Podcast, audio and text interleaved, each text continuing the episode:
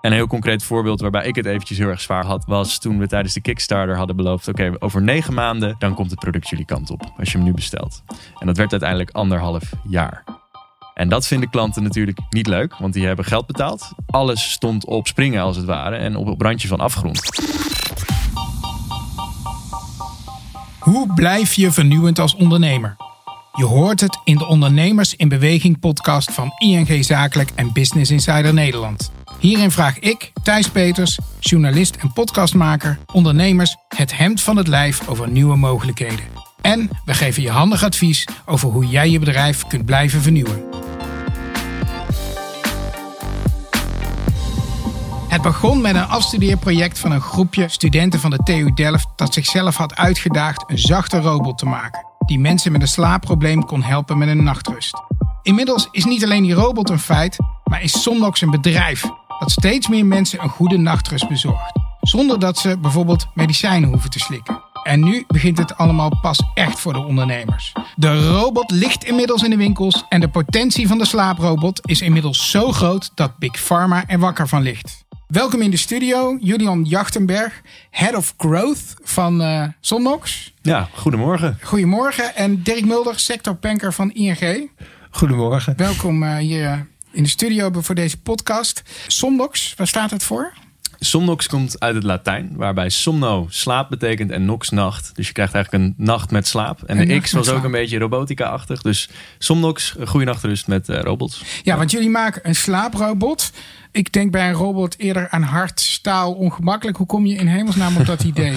ja, ja nou, dat is inderdaad wat je vaak hoort. Hè? Een soort metalen man die je dan in slaap zou wiegen. Dat is vaak wat er wordt gedacht. Um, in het kort komt het erop neer dat tijdens uh, onze tijd in de universiteit waren wij robots aan het maken. En in het speciaal zachte robots. Dus waar we afstappen van metalen wezens, gaan we eigenlijk toe naar knuffelbaar, aanraakbare robots gemaakt van onder andere siliconen. En toen der tijd was uh, mijn moeder die heel erg slecht sliep, maar ook andere familieleden die nou ja, zo slecht sliepen dat ze medicatie nodig hadden om een beetje de dag door te kunnen komen.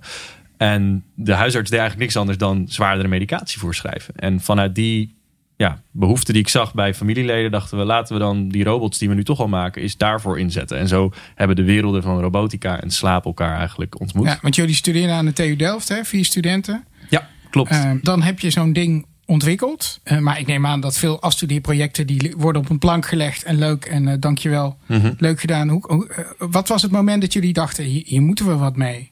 Ja, nou, het begon eigenlijk allemaal bij dat mijn moeder heel blij werd van ja? de, de uitvinding. Uh, dat, dat, ze aangaf, niet met. Nou, het eerste prototype was overigens helemaal niks. Dat was een groot lomp ding. Daar bleef ze alleen maar meer wakker van. Maar nadat we meerdere iteraties hadden gedaan, uh, begon het haar echt te helpen.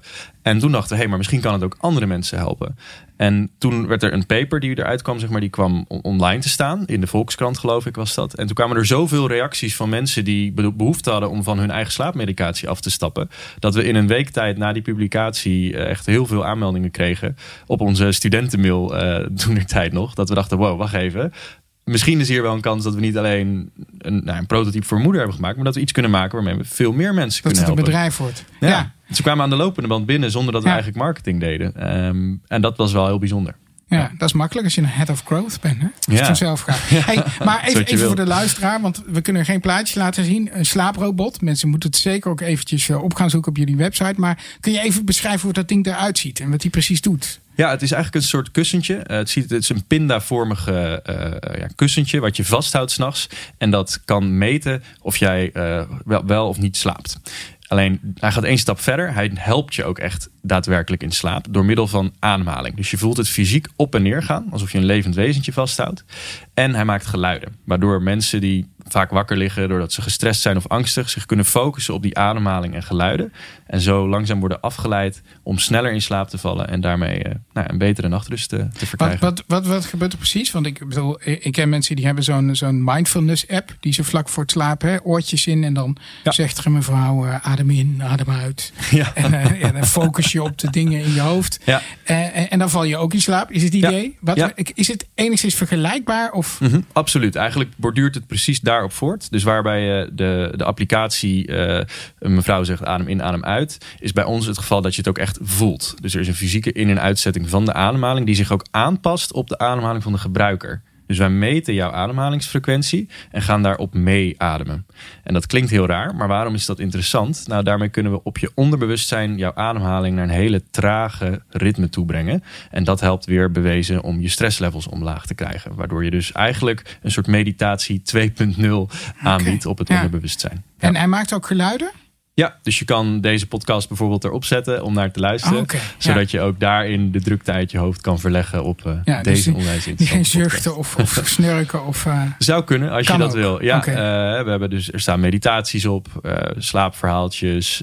white noise is een bekende die een soort ruis maakt. Die bewezen is om je ook beter te slapen. Dus je kan hem helemaal instellen met een mobiele applicatie die erbij zit. Zodat die echt bij jou past. Want de een die wil stilte, nou dat kan. De ander wil een eigen ademhalingsoefening maken maken, dat kan ook. Dus uh, dat kan je via de applicatie doen. Dus jullie hebben technologische kennis, hè? want jullie zijn van de TU Delft. Mhm. Maar hier heb je eigenlijk ook een beetje medische kennis voor nodig. Want je moet weten uh, uh, wat eigenlijk je problematiek is als je niet in slaap kan komen. Absoluut, absoluut. Ik denk dat het de reden waarom we hiermee zijn begonnen was omdat we het probleem zelf zagen. Dus we waren eigenlijk de probleemeigenaar. Dus we wisten heel goed tenminste de behoefte bij mijn moeder. Die wilde mhm. gewoon van de pillen af en iets vinden wat haar kon helpen. Dus vanuit die optiek had ik al wel affiniteit met het probleem.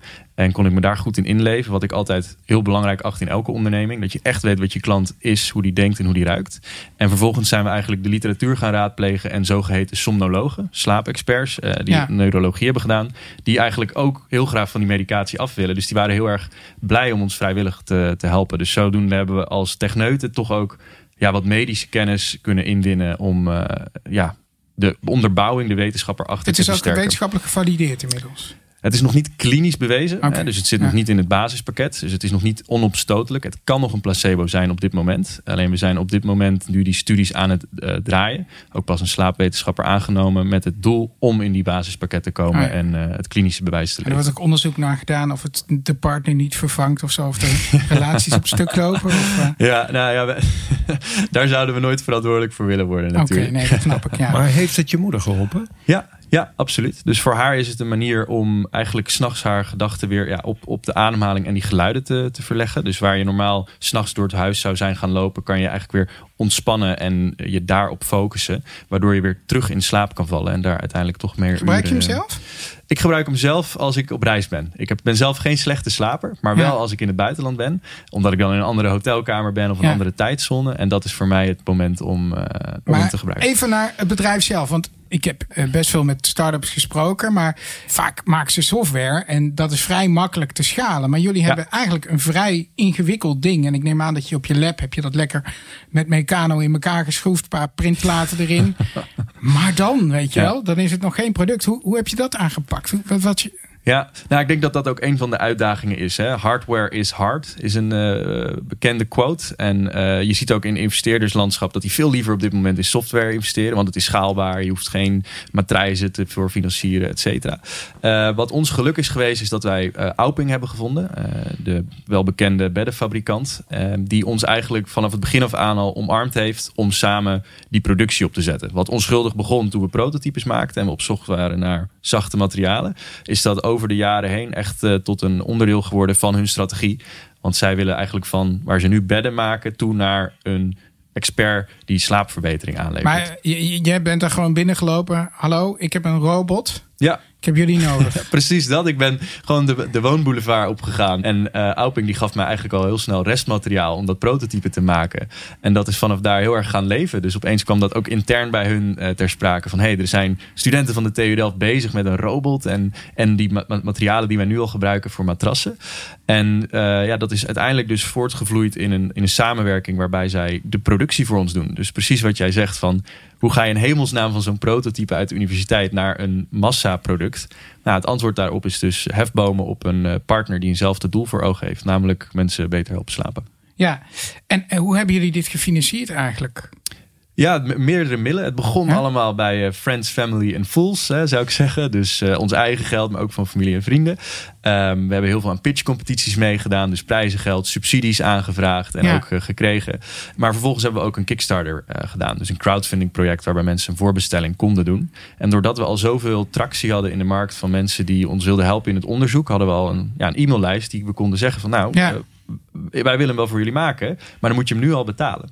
Uh, dus dat hebben we op die manier gedaan. Nou, en Auping heeft dus uiteindelijk ook ons gefinancierd als het ware. Ja. Door de productie voor te financieren. Exact, ja. En in, in ruil voor dus die co-branding. Dus zij hebben nu ook op ons product het label Auping hangen. Wat voor ons heel erg veel toegevoegde waarde heeft. Omdat we van een niks zeggende start-up opeens een kwaliteitsproduct worden. En andersom voor Auping om meer dan alleen een uh, beddenfabrikant te zijn. Maar echt de uh, referentiepunt van slaapverbetering. Ja, Dus dat was een hele mooie win-win situatie. Eh, waardoor ja, het klinkt nou een beetje als een walk in the park. Maar ik weet dat dat zelden het geval is met ondernemers. Waren er ook echt, echt momenten dat je dacht van... Why? Waarom doe ik dit? Absoluut. Uh, ik denk elke dag heb je wel zo'n moment. Uh, inderdaad, het klinkt als een walk in the park. Uh, maar elke dag komen er heel veel problemen over je heen. Uh, het is onwijs moeilijk en doorzettingsvermogen is cruciaal. En de enige reden waarom je dan soms door kan gaan is weten waarom je het doet. En dat is in ons geval de verhalen die we terugkrijgen van mensen die zijn geholpen. Die echt vertellen van nou, mijn leven is veranderd doordat ik geen pilletjes meer hoef. Of omdat ik eindelijk weer slaap. En een heel concreet voorbeeld waarbij ik het eventjes heel erg zwaar was, had, was toen we tijdens de Kickstarter hadden beloofd: oké, over negen maanden dan komt het product jullie kant op als je hem nu bestelt.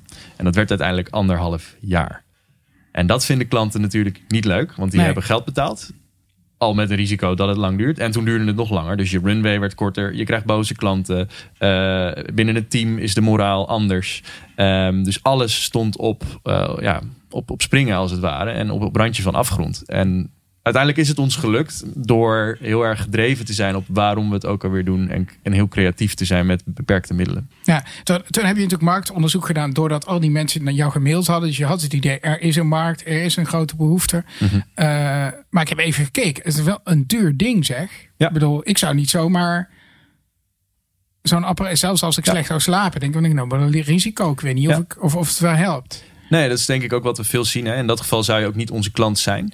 Wij targeten nu echt mensen die zo slecht slapen dat ze daar ook bereid zijn tot eh, te investeren. Het is 600 eh, euro. Hè? Het is 600 euro. Ja, daarbij bieden we wel altijd 30 nachten proefslapen aan. Dus in principe alleen als het werkt betaal je 600 euro en nemen we het risico weg dat je straks ook nog eens wakker moet liggen van dat je 600 euro kwijt bent en geen meter verder bent. Hoeveel retouren krijg je dan?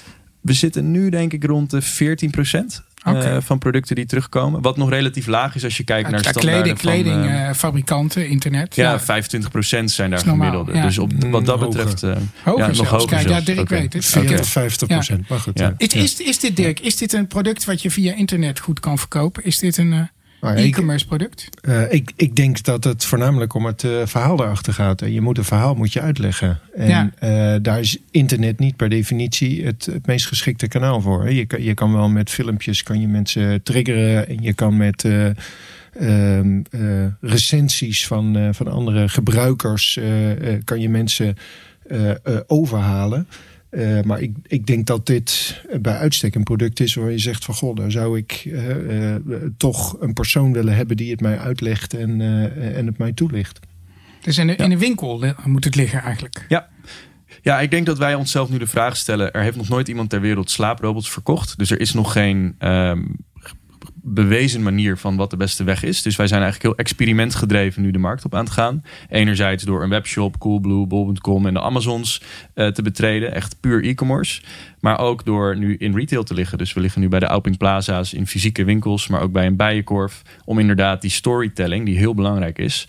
Um, en een persoon te hebben die jou fysiek te woord kan staan en vertellen wat het is, cruciaal is. Dus we zien nu dat na heel veel getest te hebben, uh, dat een online to offline approach heel goed werkt. Dus je... Oké.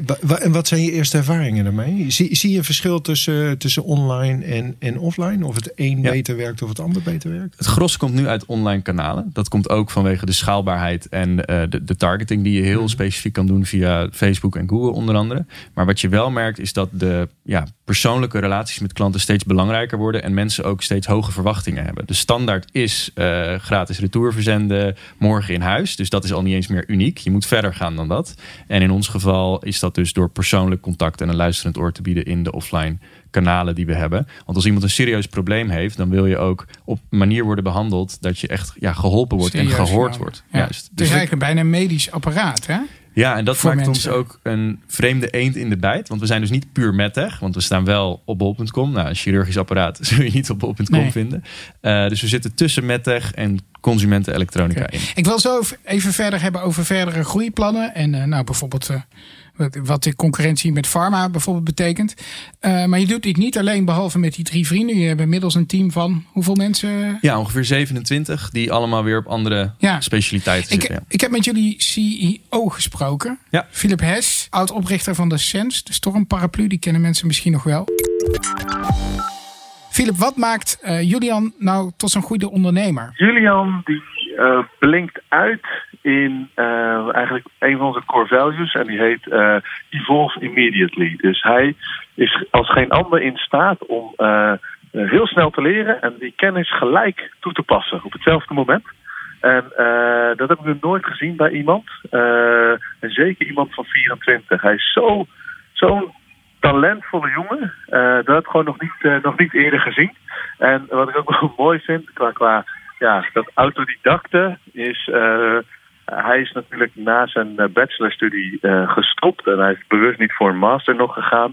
En hij zegt ook van ja, want bij een opleiding leer je eigenlijk vragen te beantwoorden. Oh ja, vragen die je zelf niet hebt, maar met ondernemerschap leer je uh, vragen die je wel hebt uh, te beantwoorden. Hij moest daarna meteen achter zijn kinderen aan, want hij stond op een speeltuin. dus, maar ja, een groot compliment. Absoluut, ja. Waarom heb je eigenlijk gekozen voor een externe CEO? Want hij is niet een van de vier studenten geweest. Ja, nou, ik denk dat um, ik heb. Ik, als het ware vanaf het begin af aan waren met vier gelijken. Hè? Vier techneuten die op hetzelfde moment zijn begonnen en dus gelijk in het bootje waren gestapt.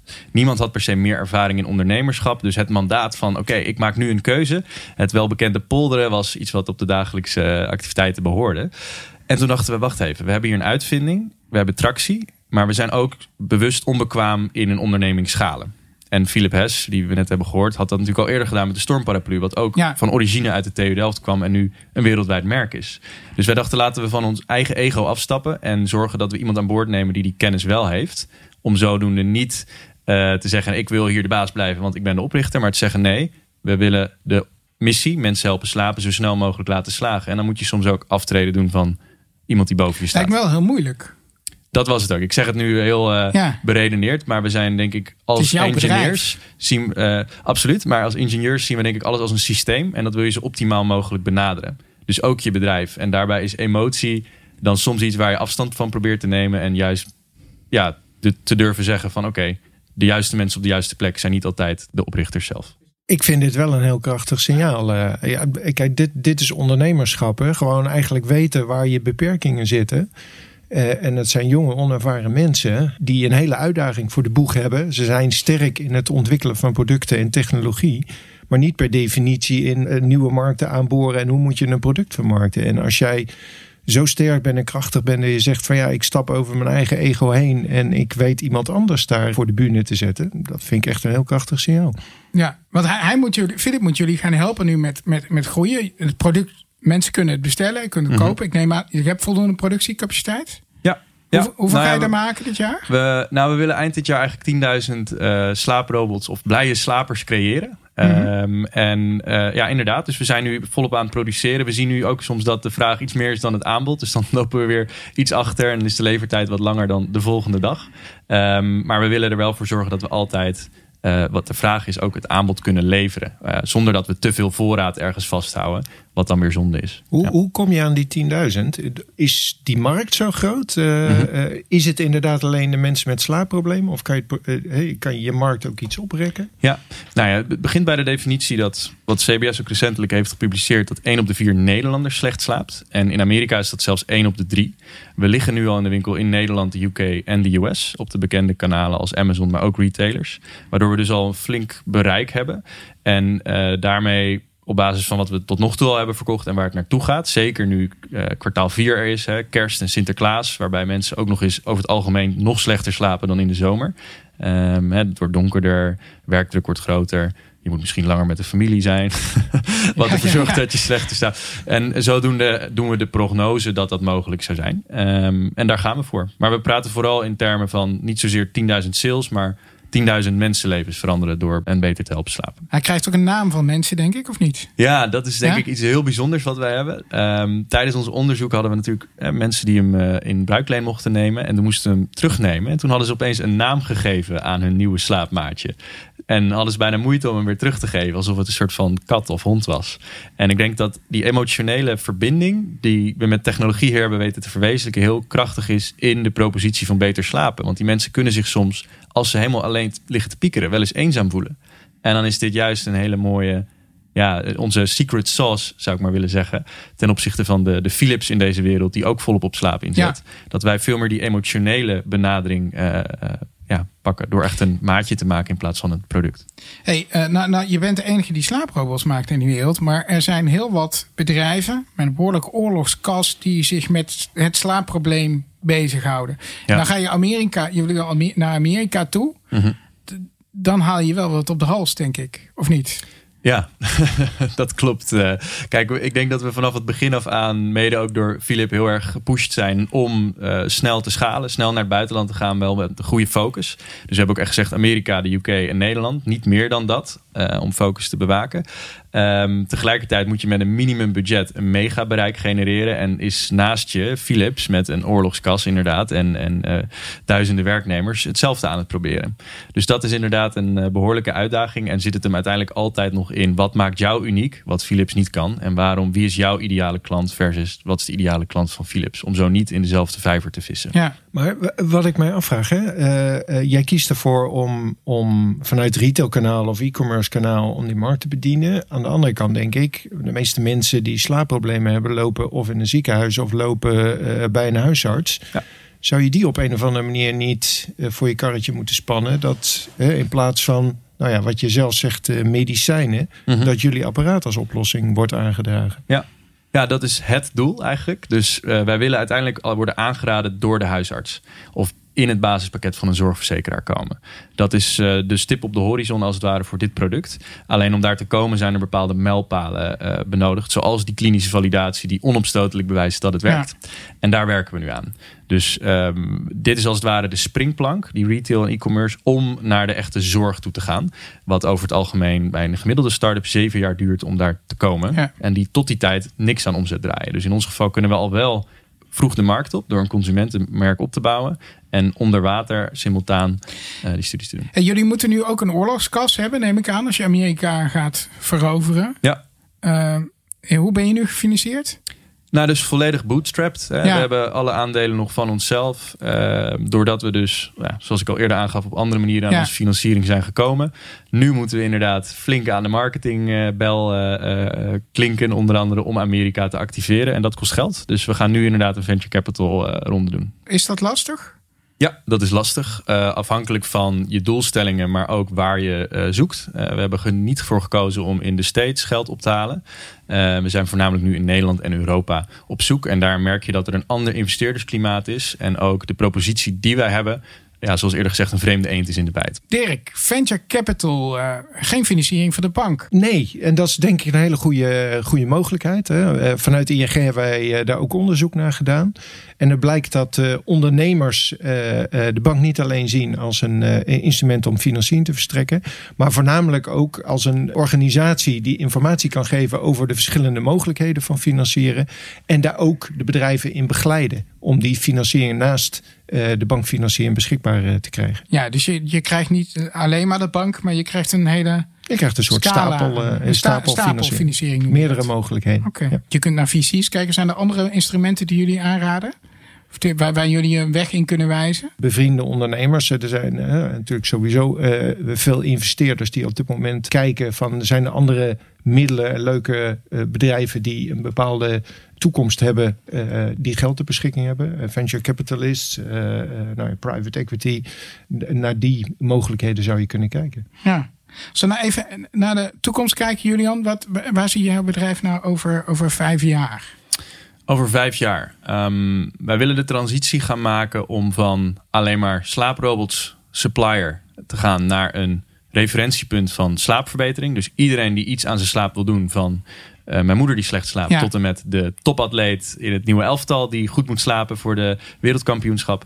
Uh, die willen wij kunnen helpen met een portfolio aan uh, slaapverwekkende producten. En het liefst in abonnementsvorm. Dus ook afstappen van de lineaire economie waarbij we producten verkopen. dus je, op, op, Amazon, hij is van jou en daarna eindigt hij in op een afvalberg, maar echt toe naar jij betaalt voor slaap bij ons per maand. En wij zorgen ervoor dat dan de juiste gereedschappen, zij het een slaaprobot, zij het een slaaptracker, zij het een advies, zij het nou ja, andere innovaties die we in de pijplijn hebben, om uh, naar echt waardeverkoop te gaan in plaats van ja, fysieke materie. Is dat een, is dat een goed model, Dirk? Dat denk ik wel. Ja. Uh, dat is helemaal wat ze noemen on-trend. En mensen willen zo'n apparaat niet meer bezitten. Uh, en uh, ik denk dat het draait uiteindelijk om de data die, uh, die jij verzamelt middels het apparaat. En dat, dat klinkt misschien heel eng, hè, van hoe men weet alles over, over mij en over hoe ik slaap. Maar uiteindelijk gaat het erom dat je het, het combineren van al die data bij elkaar en dat je patronen kan ontdekken. En dat je daarmee mensen kan helpen. En als dat dan kan in de vorm van een, van een abonnement en ik hoef dat, dat product niet te bezitten, ik denk dat dat, uh, dat, dat een hele goede, goede manier is. Je bent als bedrijf ben jij uh, gegarandeerd van eigenlijk een constante stroom uh, van inkomsten en niet van pieken en dalen met de verkoop van je producten. Julian, wat, wat jij de afgelopen jaren, nou jaren, zo lang is het niet eens, een paar jaar, hebt meegemaakt, wat zou je nou aan andere ondernemers willen meegeven als belangrijkste leerpunt? Of... Ja, um, ik denk dat, dat zijn honderden lessen die je zou kunnen vertellen. Uh, ik denk het laaghangende fruit wat ik nog niet veel hoor. Hè? Ik, ik, kan nu de clichés gaan noemen, die laat ik even achterwege. Ik denk in ons geval van Auping is denk ik een heel mooi voorbeeld... wat ik als ik een nieuwe onderneming zou starten gelijk weer zou doen. Kijk eens naar jezelf en vraag jezelf af... Wat is mijn missie? Waarom doe ik wat ik doe? In ons geval mensen beter helpen slapen. Vervolgens stel jezelf de vraag: wie zijn er nog meer in deze wereld bezig met die missie? En ga met hun in contact om te kijken of je een samenwerking kan aangaan. Om van hun oorlogskas gebruik te maken, van hun ervaring, van hun manschappen. En om zo een, een, een partnership af te sluiten die jou kan laten groeien en alleen maar kan ja, tot synergie leidt. Ik zie dat nog weinig bedrijven doen, hè? toch met je eigen hachie en, en wegblijven bij de concurrentie. Maar misschien is jouw concurrentie wel het antwoord op, op groei, die je op dit moment nog niet kan uh, verwezenlijken. Dirk, als, als jij nog een tip mee mag geven voor het komend jaar. Ik denk dat dat, uh, uh, dat, dat een hele goede les is. Uh, maar dan denk ik direct van ja, hoe ga je dat dan toepassen in Amerika? En hoe ga je dat toepassen in, in Engeland? Hè? Want dat zijn enorm grote markten. Zie jij dan Amazon als die, als die partner? Of ben je naar een vergelijkbaar bedrijf als Auping op zoek... waarvan je zegt van nee, maar die kan mij helpen in Engeland en, en Amerika? Ja, nou eigenlijk het laatste. Exact. Want Amazon die is niet bezig met ons beter te helpen slapen. Die is vooral bezig met uh, ja, Monopoly uh, opzetten. Dus wij gaan inderdaad op zoek naar de, de, de Aupings in Amerika en de UK... om eigenlijk eenzelfde soort trucje te kunnen doen. Hè, dat hebben we ook in goed overleg met Auping zo kunnen afspreken. Uh, en zodoende dus die schaalbaarheid erin te houden... en je niet te beperken uh, om in Amerika dan uh, verder te, te, groeien. Ja. Dankjewel Julian Jachterberg, oprichter van Somnox, voor je verhaal en je ervaringen. En Dirk Mulder, sectorpanker van ING. Dankjewel voor al je tips en adviezen. Ik vond het in ieder geval een heel inspirerend verhaal. En als ik ooit slecht slaap, dan kom ik hem halen. Nou, dat was hem dan. We zijn aan het einde gekomen van deze aflevering van Ondernemers in Beweging. Uh, eerder in deze podcastserie kon je al horen hoe Nicolette Bosgieter het buitenland gaat bestormen met haar pannenkoekconcept. En binnenkort uh, bij ons te gast Bart van Olven van Fishtails, duurzame vis in blikjes, die je kunt vinden in de supermarkt. Wil je dat verhaal nou niet missen? Je kunt ons vinden op Spotify, Apple Podcast en Soundcloud. En slaap lekker. Deze podcast is een samenwerking van ING Zakelijk en Business Insider Nederland. Ontdek hoe jij in beweging kunt blijven op ing.nl/slash het nieuwe financieren. Bedankt voor het luisteren en graag tot de volgende keer.